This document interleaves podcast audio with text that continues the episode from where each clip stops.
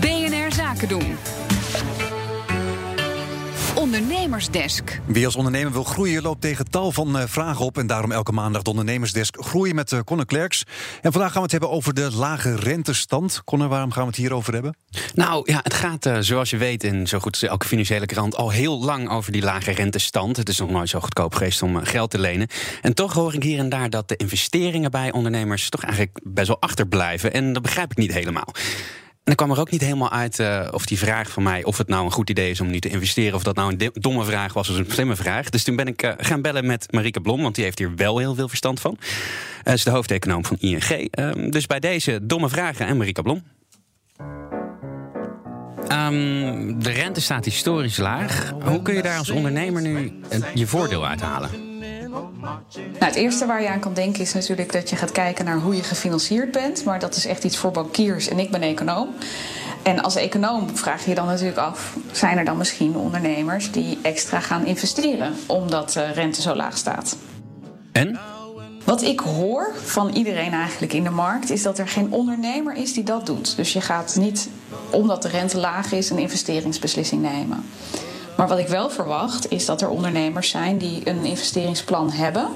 En die gaan dat dan doorrekenen. En als ze dan rekening houden met de huidige rentestand, dan kan zo'n project rendabel zijn. Terwijl het bij een hogere rentestand niet rendabel zou zijn.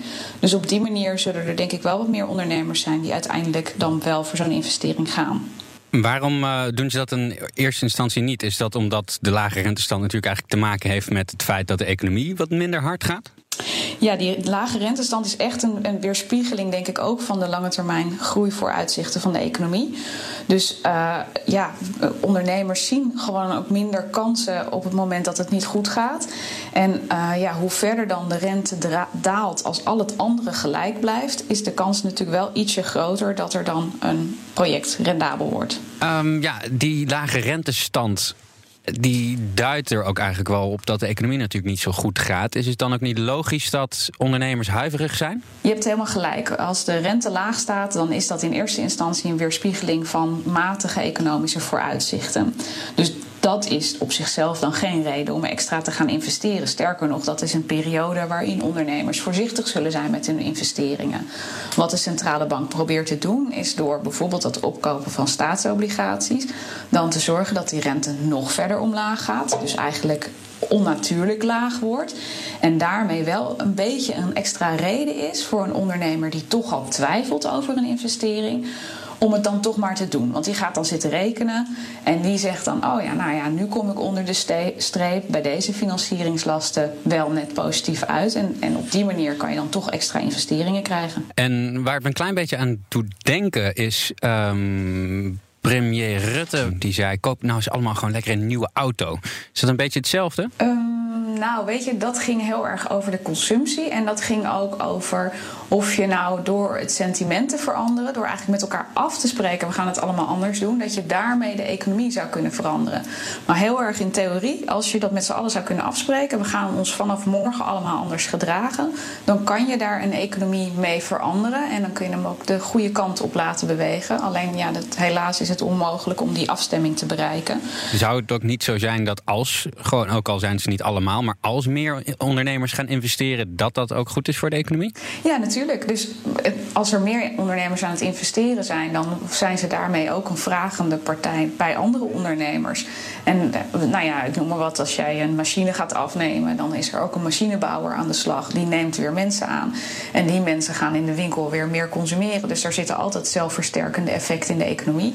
En uh, ja, dus ook uh, als, als bedrijven extra gaan, onder, gaan uh, investeren. En nu staat die rente heel laag. Hè? En u zei eigenlijk al eerder, je moet kijken naar of het nu niet lucratief is om zo'n investering te, zijn, te doen die met een hogere rentestand uh, niet rendabel zou zijn. Hoe weet je of dit nou het juiste moment is daarvoor? Ik denk eigenlijk dat dat niet zo goed te timen valt. Dus ik zou denk ik niet zozeer een ondernemer aanraden: ga nu investeren omdat de rente laag is. Maar ik verwacht dat er uh, ondernemers zijn die toch willen investeren. En normaal gesproken gaan al die ondernemers die dat idee hebben, die gaan zitten rekenen.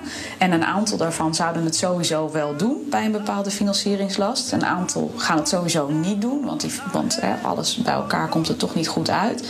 En een aantal zal net een beetje op de grens zitten, hè, bij wijze van spreken break-even. Um, en die kan dan, omdat de financiering net wat goedkoper uitvalt, alsnog over de streep getrokken worden om dan wel die investering te maken. En daarvoor uh, ja, heeft het dan toch een positief effect.